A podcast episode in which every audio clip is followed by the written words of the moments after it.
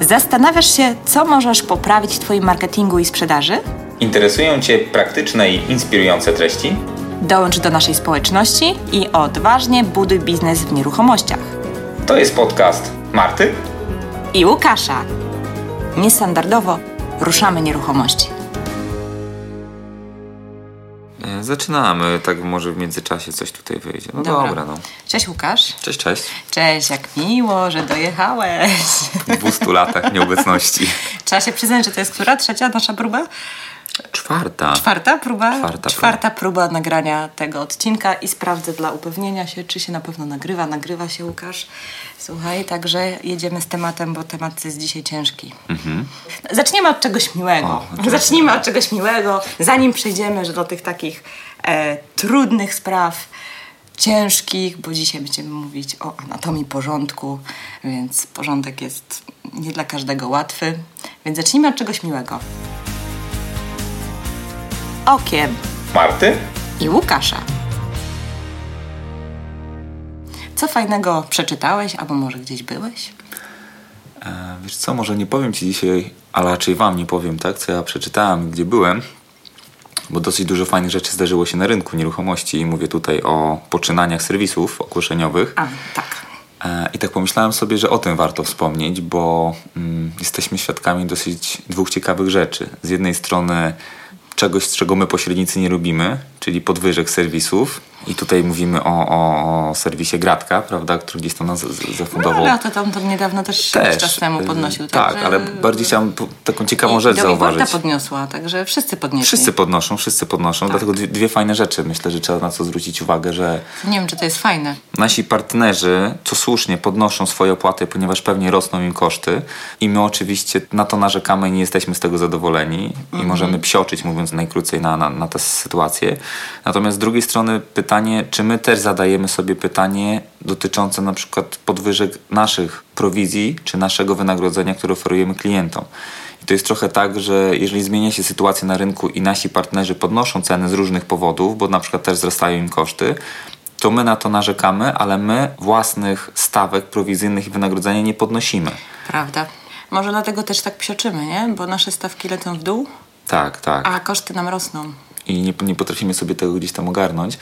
E, natomiast bardzo ciekawa rzecz się wydarzyła, bo dzisiaj to nagrywamy w sobotę, to jest 15, 15 października, 15 tak. października. Wczoraj poszła informacja prasowa, że Allegro zostało sprzedane.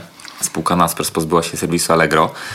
E, I to jest o tyle ciekawa sytuacja, bo pytanie, czy pieniądze, które zostały zainkasowane za sprzedaż Allegro w jakiejś mierze zostaną A była to fajna sumka, tak, fajna, zostaną fajna. wykorzystane tutaj na promocję innych produktów y, spółki, czyli na przykład serwisu Otodom, bo jeżeli tak by się stało, no to może czekać nas tutaj coś naprawdę niesamowitego, nie? I to jest w ogóle pytanie nawet do nas, do, na, jakby do nas, do pośredników, czy naprawdę może dojść do sytuacji, że któryś z portali obejmie taką pozycję lidera, że na przykład będzie e, zajmował, no nie wiem, 80% rynku, nie? I wyznaczał bardzo mocno standardy, tak to nazwę, na tym rynku, nie? Więc myślę, że to jest taka rzecz, na którą powinniśmy się przygotowywać i na to mocno zwracać uwagę. Swoją drogą teraz mi przyszło tak do głowy e, taka myśl, e, Łukasz, że może powinniśmy kolejny odcinek nagrać na temat, na co mogliby spożytkować. Tak byśmy mogli sobie pomarzyć. A, nie, Nie? no. Takie, takie delikatne sugestie. Powinien, słuchaj, no, w pierwszej kolejności dofinansowanie jakichś fajnych biur nieruchomości, nie?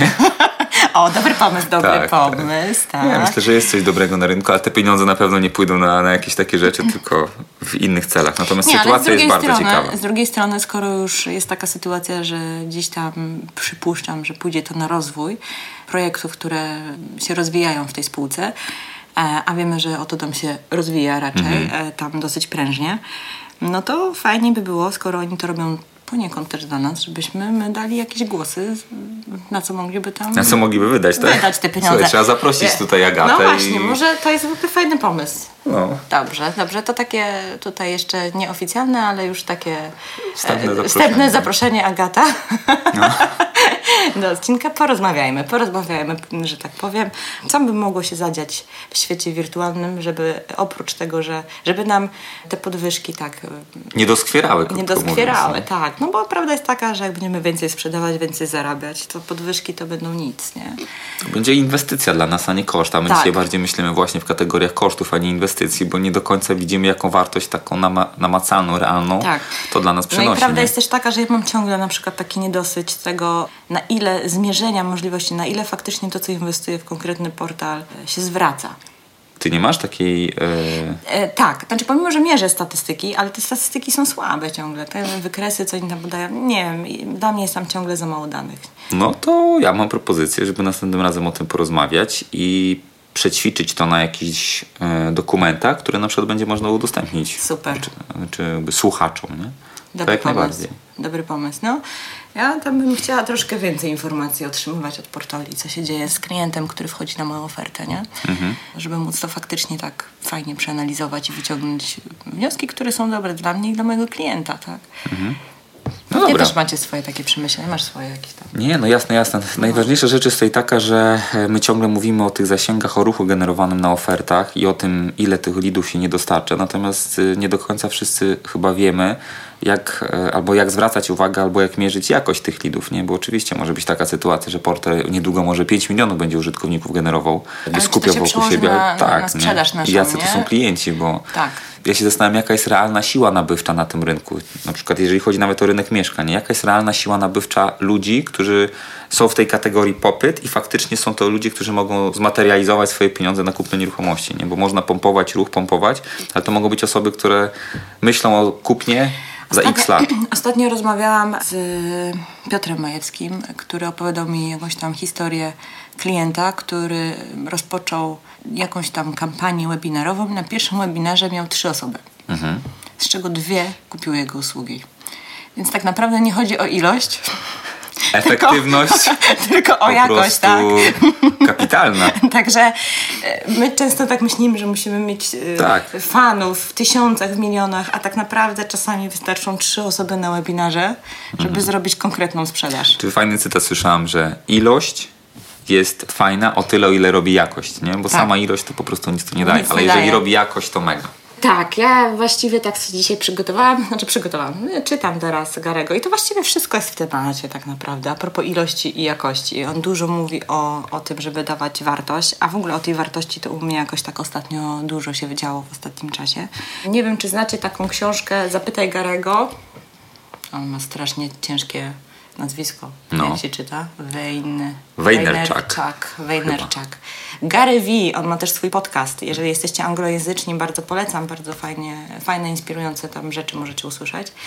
To jest człowiek, który pierwszą firmę rozwinął chyba w sprzedaży win, czy, czy w czymś takim, tak? I, I wykorzystywał do tego marketing internetowy w czasach, kiedy on był w ogóle jeszcze niepopularny. I śmiem twierdzić, że jest pewnego rodzaju takim prekursorem, może nie prekursorem, bo on o sobie sam mówi, że on e, nie wymyśla rzeczy, on korzysta z rzeczy, które już są na rynku, tylko dostrzega je zanim one są jeszcze mega popularne, tak? Czyli e, nie jest tak, że on wymyślił Facebook czy tam YouTube y, i tak dalej, tylko wszedł na ten YouTube ze swoim kanałem w momencie, gdy on, jeszcze nikt w niego tak do końca nie wierzył, a on już dostrzega Potencjał. tak, potencjał. E, Więc on nawet właśnie w tej książce pisze, znajdź coś, znajdź jakąś platformę, na której będziesz w cudzysłowie pierwszy, no już tam są ludzie, tak, ale z- zajmij się nią profesjonalnie, tak, a po dwóch, trzech latach okazuje się, że po prostu jesteś wow, tam królem na tej platformie. To samo się działo na Facebooku, na Instagramie, na YouTubie, na tych wszystkich innych platformach.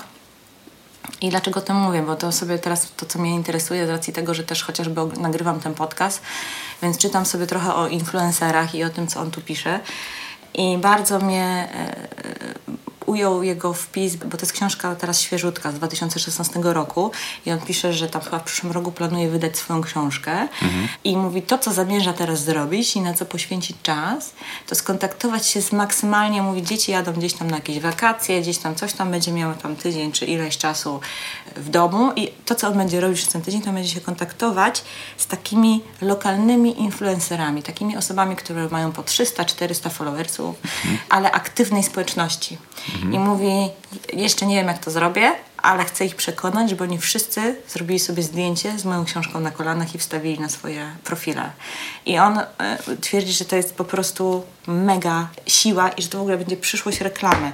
Że tak jak teraz nie wiem, jakie są procentowo budżety w firmach przeznaczane na pracę z influencerem, jeżeli chodzi o promocję. Natomiast e, prawda jest taka, że idziemy w kierunku ery takich właśnie lokalnych influencerów, nawet nie influencerów takich wielkich już marek na dzisiaj, jak nie wiem, na przykład Michał Szafrański, bo na to sobie mogą pozwolić naprawdę tylko wielkie firmy. A poza tym, jak wejdziesz na stronę Michała, to tam od razu czytasz, że on już z nikim nie współpracuje, więc tego typu e, influencerzy tak naprawdę już mają zazwyczaj swoje produkty, oni już są dalej. E, Ale e, że tak powiem, tą siłą napędową właśnie będą ci ludzie tacy, którzy lokalnie wnoszą wartość w swoją społeczność, Czyli tak mówiąc niszę. najkrócej, tacy jak my, tak? Tak. Nie, bo jeśli dobrze rozumiem, to jego przekaz i jego idea jest taka, aby kontaktować się z osobami, które na przykład są, nie wiem, influencerami, ale też w swoich niszach, rozumiem, branżowych. tak. I co, on chce im sprzedać swoją książkę, czy zachęcić do jakiejś Nie wiem dokładnie, bo nie akcji? pisze jak on, on, bo on, on dosłownie pisze, że on poświęci czas na to, żeby przekonać ich do tego, żeby oni sobie zrobili zdjęcie z tą książką na kolanach, Mhm. tak? Natomiast e, Czy z jego punktu widzenia on szuka jakby dodatkowych kanałów sprzedaży, ale pewnie też chce Znaczy, on pokazać, po jaka jest siła. Mhm. widzi, że to jest potencjał, tak? Że tak naprawdę największy, najlepszą i reklamą i największy wpływ na ludzi mają osoby, które znamy, Mhm. które są bliskie. Czyli jak mamy takiego gościa, który ma taką aktywną społeczność, nie wiem, 300 czy 400 followersów, to jeżeli oni aktywnie tam sobie ze sobą rozmawiają, dyskutują, to oni się, można powiedzieć, że oni się znają w tym Mhm. świecie wirtualnym. I on może mieć realne przełożenie na decyzje zakupowe Mhm. tych ludzi wszystkich pozostałych, tak?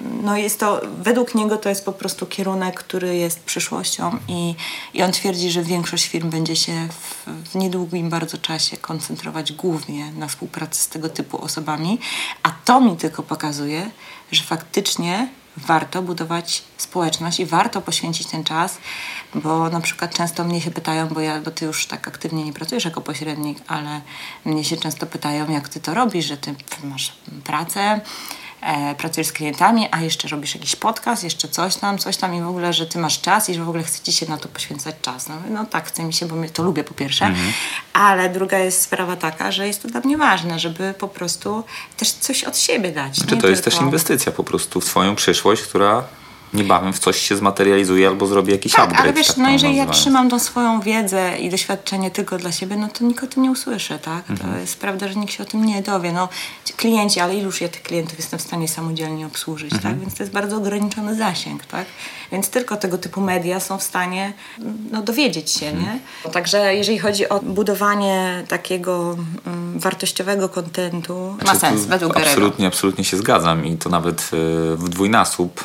Po pierwsze, mm, ja współpracuję z serwisem nieruchomości online praktycznie od czerwca, Mhm. właśnie w ramach tego, żeby dawać pośrednikom dodatkową wartość w postaci wiedzy na temat marketingu internetowego ofert, więc dla mnie to już jest jakiś wyznacznik tego, że marki inwestują w osoby, które próbują dawać wartość do, do rynku. To jest jedna rzecz, a dwa, no też może niedługo dojść do sytuacji, że jakieś brandy zaczną współpracować też z osobami, które nie wiem, czy są influencerami, bo to też można mieć różne wyobrażenie, ale na pewno, które gromadzą wokół siebie jakąś specyficzną społeczność, która ma motywację do tego, żeby robić coś więcej. Nie? Tak, Więc no, nam się, mi się wydaje, że my mamy takie przekonanie, że influencer to jest po prostu, nie wiem, Gwiazda TVN-u. tak, tak, to jest, wiesz, to jest e, Janiak, to jest Chodakowska, to jest Szafrański, to, no, to są takie nazwiska, e, nazwijmy to już troszkę celebryckie nawet, bym powiedziała. A on tutaj słowo influence używa, in, influencer, do po prostu zwykłych osób, które gdzieś tam robią fajną rzecz i wokół tego budują jakąś niewielką swoją społeczność i ta społeczność po prostu jest żywa, jest aktywna, więc tak jakby kluczem i doborem, do kogo on się będzie kontaktować, to będzie na przykład y, ilość y, reakcji na dane posty. Czy tam się coś dzieje, czy nie, czy, ci, czy ten człowiek faktycznie ma jakąś, y, że tak powiem... Czy aktywizuje tak naprawdę społeczność? Tak, bo to o takiego influencera chodzi. On nie musi mieć wielkich liczb, tak? Mhm. Że to już ten czas, że tam musisz się na blogu chwalić nie wiadomo jakimi statystykami, Zgadzam się. powoli mija, tak? Ale on musi mieć, może mieć małą społeczność, ale aktywną, nie? I to, Mhm. jest, i to jest właśnie to, nie? Żeby po prostu, że to jest przyszłość.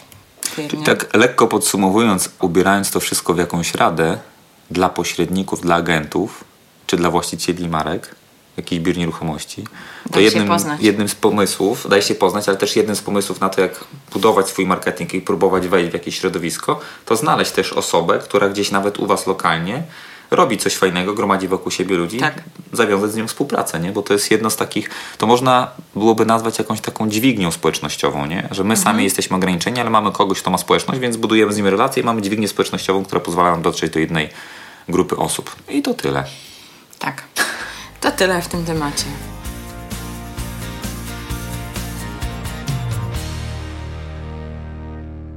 Czyli dzisiaj Tak. porozmawiamy o tym, jak ogarnąć cały proces związany z aspektami prawnymi.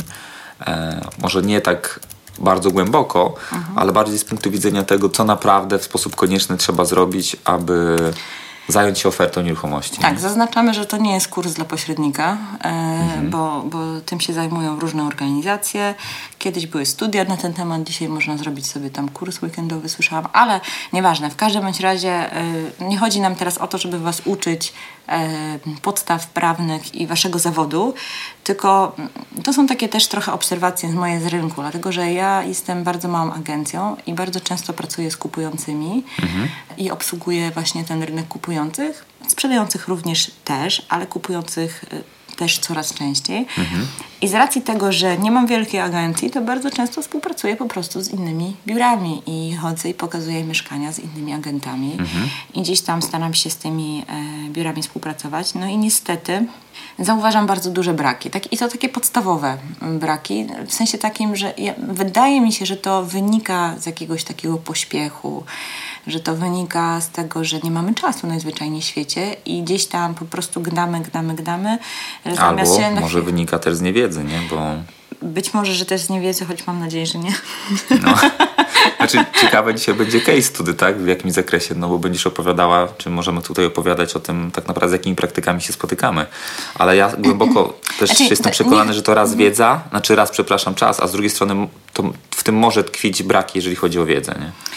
Być może, że tak, a, a być może to po prostu jest brak procedur w firmie. Konkretnie, instrukcji tak, dla agentów, zwłaszcza młodych, którzy dopiero zaczynają, no bo skąd mają wiedzieć, tak? Uczą, się, uczą się od no, właścicieli tych firm albo od y, liderów tych, y, tych danej organizacji, w której pracują. A no jeżeli dana agencja nie ma jakichś określonych procedur stworzonych, no to niestety to, To na łapu później, capu. tak, to trochę tak wygląda, że jest po macoszemu.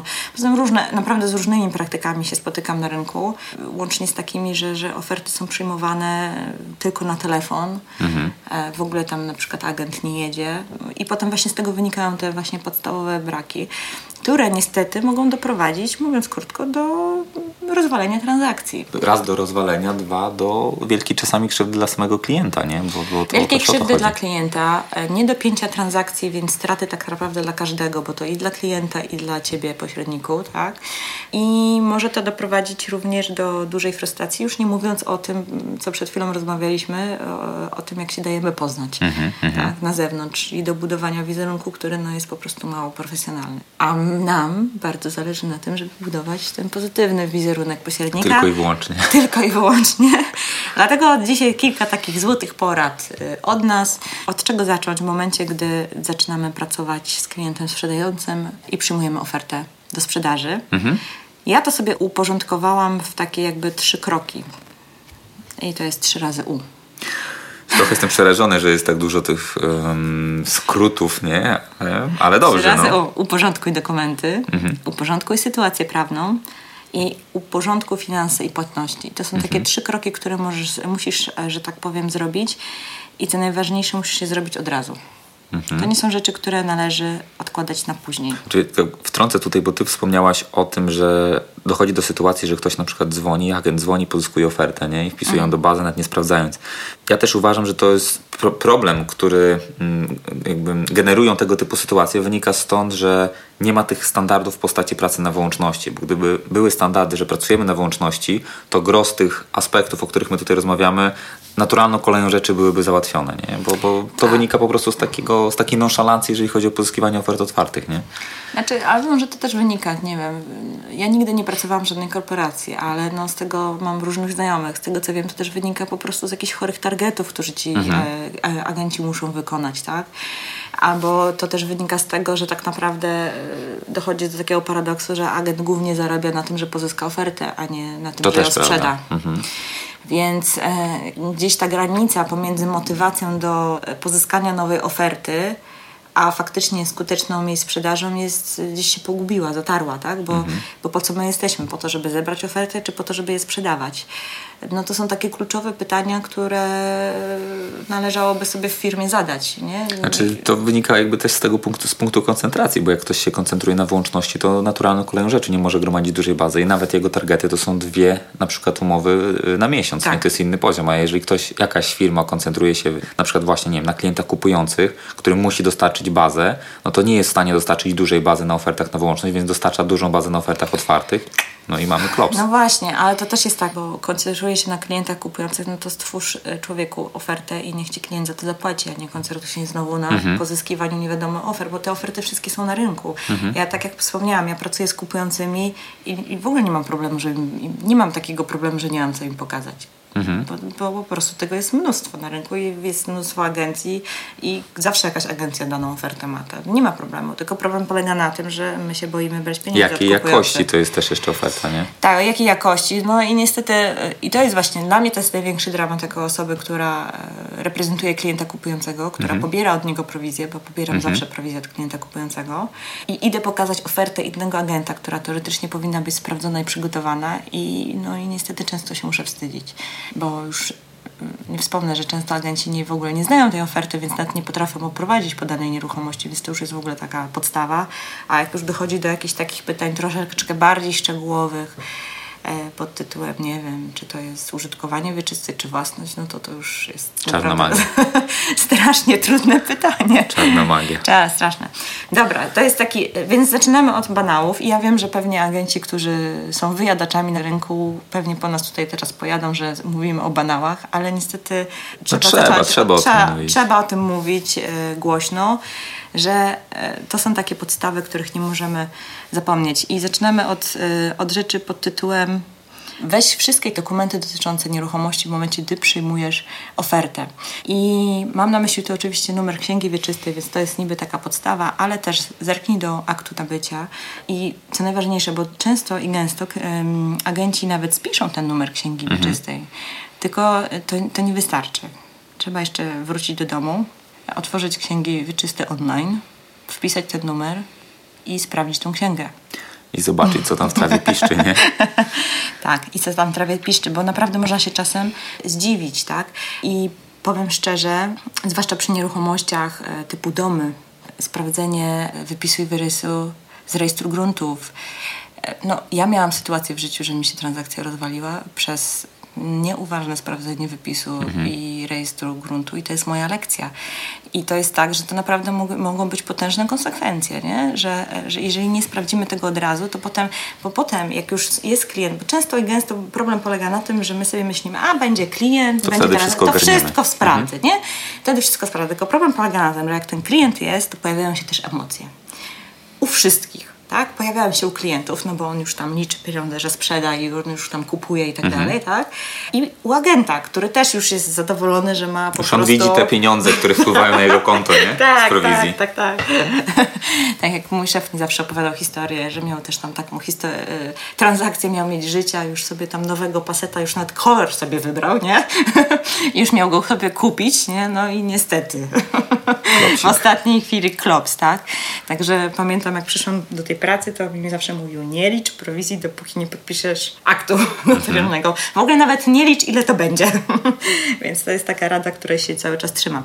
Ale abstrahując od tego, po prostu rosną nam wszystkim emocje. Jesteśmy ludźmi, tak? E, I też chcemy, żeby się wszystko fajnie zakończyło, no bo wiadomo, wszyscy z tego będziemy mieli korzyść. I to nie jest w tym nic złego, że nam te emocje rosną.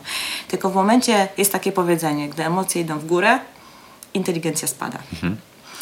I niestety w przypadku tych rzeczy takich prawnych i, i dokumentów, jak nam ta inteligencja trochę spada, emocje rosną w górę, to bardzo łatwo jest przeoczyć pewne rzeczy i bardzo łatwo jest popełnić błąd. I dlatego to jest tak ważne, żebyś to zrobił na początku. Mhm. Zanim dojdzie do tej sytuacji, że już mamy klienta Czyli tak naprawdę chodzi o to, żeby ten pierwszy etap związany z przyjęciem oferty już uwzględniał przygotowanie pełnej dokumentacji, tak jakbyśmy już na drugi dzień przygotowali transakcję. Tak, tak, tak jakbyś, jakby... tak jakbyś miał klienta i szedł do notariusza. Dokładnie. To jest taka, wydaje się czasami oczywista reguła, ale ja też osobiście ją sobie mocno wdrożyłem, tak żeby czas, często to budziło jakieś zdziwienie, prawda? Bo przyjmujesz ofertę, po co od razu musisz się przygotowywać, nawet brać, po co masz brać tak, zaświadczenie z, klientów, z, tak, ze wspólnoty czy ze mhm. spółdzielni. Przecież okej, okay, weźmiemy dopiero jak będzie klient. Natomiast ja też zawsze brałem w tym pierwszym miesiącu, zaraz tylko jak przyjąłem ofertę, zaświadczenie, żeby też wiedzieć tak naprawdę, co tam się dzieje, nie? czy są jakieś zobowiązania, czy, czy jest jakiś problem, jeżeli chodzi nawet o, o komunikację między mhm. właścicielem a spółdzielnią. Więc podstawowa zasada, przyjmujesz ofertę, od razu przygotuj się z tak dokumentacją, tak jakby to była do transakcji. Tak, sprawdź, sprawdź, sprawdź po prostu księgę, zobacz jakie tam są, czy tam są jakieś hipoteki, czy nie, zobacz jaki jest e, status własności, kto jest właścicielem, e, weź akt nabycia, bo potem się okazuje, że na przykład, nie wiem, był gdzieś po drodze jakiś podział majątku, e, jakiś tam rozwód, jakiś coś, no trzeba całą tą ścieżkę dokumentacji zbadać, tak?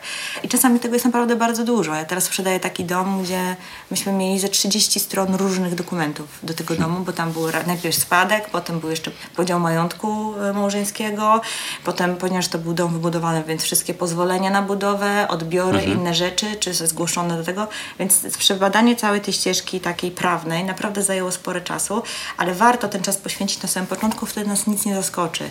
I potem, jak będziesz miał klienta, i będzie już dochodzić do transakcji, to ty dokładnie wiesz, co robić. Mhm. I w ogóle, a nie, że dopiero się dowiadujesz, o kurczę, nie? Tego, tego nie ma. tak, tak. Także koniecznie. Więc jak już masz te wszystkie dokumenty, no to kolejny krok uporządkuj sytuację prawną. Jeżeli tam już znajdziesz coś, że coś jest niehalo, no to trzeba koniecznie z tymi klientami porozmawiać, bo miej świadomość, że twój klient bardzo często nie ma świadomości, że coś jest niehalo. No po to wynajmuje specjalista, nie? Tak. Przecież on całe życie miał ten dom, przecież on to po babci dostał. A że nie ma prawomocnej decyzji, są, no, no ale no przecież po co? nie? Albo że nie zgłosił spadku do Urzędu Skarbowego. I co? Tyle muszę podatku zapłacić, mhm. tak? E, albo coś. Więc takie sytuacje się zdarzają i fajnie jest wiedzieć o tym wcześniej. Fajnie jest o tym wiedzieć wcześniej, bo naprawdę może się posypać wszystko. Mhm. No i okej, okay. i kolejna rzecz? No i y, kolejna rzecz to jest uporządku finanse i płatności. To tak naprawdę wiąże się też często z tą sytuacją prawną, więc już tu o spadku wspomniałam. Ale jeżeli na przykład macie klienta i on mówi, a mam tam jakąś zaległość, gdzieś tam coś tam, ale to jakiś jeden czynsz czy dwa mhm. i czujesz, że on nie ma pojęcia, ile ma zaległości, no bo to czuć od razu, nie? Że tak nie do końca wie. Bo czasami są klienci, że nie wiedzą, że okej, okay, w tym zeszłym miesiącu nie zapłaciłem, ale tu reguluję i w ogóle będzie wszystko okej. Okay. No dobra, to już go tam aż tak nie musisz cisnąć, ale czasami widać to po prostu, że, że klienci tak e, gdzieś tam ten Albo kluczą, albo nie do końca wiedzą, co tam tak, się czasami dzieje. nie wiedzą. Naprawdę warto wtedy wziąć zaświadczenie, czy z administracji, czy ze spółdzielni o czynszach, o zaległości, bo czasami oni się naprawdę mogą sami zdziwić, ile mają tej zaległości, mhm. a od tego też zależy cena. Bo potem może być taka sytuacja, że jesteś na akcie, on tam parę dni wcześniej do notariusza przygotował wszystkie zaświadczenia, zobaczył, że ma 30 tysięcy do zapłaty zaległości i on mówi, ja co tyle nie sprzedam. Znaczy ja kiedyś też pamiętam, miałem taką sytuację już nawet nie, do, y, nie, nie, nie w takich dużych kwotach, ale jest klient, A który mówi. 5 tysięcy, Tak, jest klient, który mówi, że okej, okay, no ma jakąś tam zaległość na czynszu, ale to jest niewielka zaległość, on tam spłaci, to jest na przykład 300 zł, nie? E, ale to spłaci do aktu notarialnego. Przychodzą kupujący, którzy się pytają, czy są jakieś zobowiązania, to odpowiadasz, nie, nie ma żadnych zobowiązań, wszystko jest czysto. Co mogą zrobić kupujący? Idą do spółdzielni, może mają jakieś znajomości, cokolwiek, sprawdzają, okazuje się, że jednak na tym mieszkaniu jest zadłużenie, nawet, no nie wiem, czy, czy ktoś z, jakby po drugiej stronie albo może powiedzieć, jaka to jest kwota, albo po prostu mówi, że mieszkanie jest zadłużone i automatycznie kupujący już widzą niespójność pomiędzy tym, tak. co mówiłeś ty, czy właściciel, a tak naprawdę tym, co mówi na przykład pani w, wspólnocie i bez względu jaka to jest kwota i czy ona jest możliwa do regulowania, transakcja może paść, no bo kupujący tak naprawdę uważają ciebie za tak. pewnego rodzaju no, oszusta, tak, który tak. coś tam, coś tam ukrywa. Coś kręci, nie? Coś kręci. A to czasami mogą być naprawdę drobne kwoty, nawet wynikające z jakichś niedopłat rzędu złotówka, czasami dwadzieścia kilka złotych, tak, bo gdzieś tam zmieniła się na przykład wysokość zobowiązania, ty nie dostałeś powiadomienia albo masz, masz ustalone na stałe przelew, no i zawsze jest ta niedopłata co miesiąc w jakiejś drobnej kwocie, nie? Tak, więc, e, więc warto te rzeczy sprawdzić. No już nie wspomnę o tych wszystkich jakichś podatkach i innych historiach e, bardziej e, zaawansowanych, ale na, zacznijmy od tych podstaw. I, I to jest jedna rzecz, że to ty musisz tą pracę wykonać, ale druga rzecz jest taka, że musisz pomóc też klientowi wykonać te czynności, ten porządek. Mhm. Bo nie ma nic gorszego, jak przyjść na prezentację z klientem i klient się pyta, jakie są opłaty. I raptownie pani otwiera pawlacz, w którym ma rachunki. I z tego pawlacza wy, wysypuje się tona różnych innych papierów. I gdzieś to tu było. A ona tam grzęźnie w tych papierach i szuka. Naprawdę to jest takie słabe. Pomóż temu klientowi zorganizować teczkę gdzie on przygotuje rachunki za prąd z ostatniego czasu, niech sobie tam podrukuje z tego, z tego tam elektronicznego systemu, z administracji i tak dalej. Niech on ma tą teczkę gdzieś na wierzchu przygotowaną. Nawet że... opłaty za multimedia, tak, jakieś telefony, tak, jak internety. to wygląda, zwłaszcza ogrzewanie, to jest to, co mhm. zawsze pytają klienci. Pytają się o ogrzewanie i o czynsz, no chociażby te podstawy. Jeżeli jest ogrzewanie miejskie, no to jak to wygląda y, rozliczenie później to roczne, czy są mhm. nadpłaty, czy są niedopłaty. Jeżeli jest ogrzewanie na jakiś gaz, czy prąd, no to jak wyglądały, tak, mhm. jak na przykład z zeszłego roku wyglądały rachunki, niech ten klient podrukuje je, niech ma w tej wtyczce, niech ten, bo, bo to są podstawowe pytania i to naprawdę potem szukanie tego tam w tych tam teczkach, bo to się nie pamięta, gdzie to jest. No. Mhm. Każdy gdzieś to ma skitrane i to po prostu potem słabo Czyli wygląda. jednym słowem chodzi o to, żeby przygotować sobie całą dokumentację tak naprawdę do tego, jak już na drugi dzień miałaby być mhm. sprzedaż, miałby być klient kupujący. No i bardzo dobrze wszystko posprawdzać. A co najważniejsze, jeżeli jest sytuacja taka, że my nie mamy odpowiedniej wiedzy w tym zakresie, to żeby znaleźć osobę, która nam pomoże i to może być zarówno osoba w biurze, jeżeli jest gdzieś tam to w ten sposób podzielone, bądź nawet po prostu osobę z zewnątrz znaleźć, która pomoże nam przejść przez ten proces profesjonalnie. Tak, nie? tak. Zrobić sobie checklistę, po prostu punkty, ok, to sprawdzone, to sprawdzone, to sprawdzone i cześć. Może na taką checklistę przygotujemy, Łukasz, co? Mhm. No, Zdecydowanie. No, do, będzie do pobrania, przygotujemy. Tak, y, no, takie podstawowe rzeczy, że okej, okay, to sprawdzam. Wiadomo jest tak, że, że, że niektóre sytuacje, że tak powiem, będą wynikać w trakcie, tak? Zwłaszcza jeżeli mamy do czynienia z działkami mhm. e, lub z domami w budowie albo zaraz świeżo wybudowane, to tych dokumentów będzie więcej do sprawdzenia, ale, ale chodzi o to, że po prostu y, macie się zapalić lampkę. Okej, okay, dobra, mamy dom, mamy budowę, pozwolenie. Co koniecznie muszę tak, mieć, Tak, nie? co koniecznie. Później czytasz te dokumenty. A, druga rzecz, jeszcze czytaj te dokumenty, nie? Później też, nie? To jest też tak, bo ja właśnie e, w tamty, przy tej wspomnianej nieruchomości niby miałam ten wypis i wyrys w ręku, mhm. tylko że no nie zauważyłam, że część działki jest. No bo wiesz, z jednej strony czytać, a, znaczy przeczytać, przeczytać, a z drugiej strony też rozumieć, tak. z czego co wynika. Ja to tak samo z księgami wieczystymi, nie?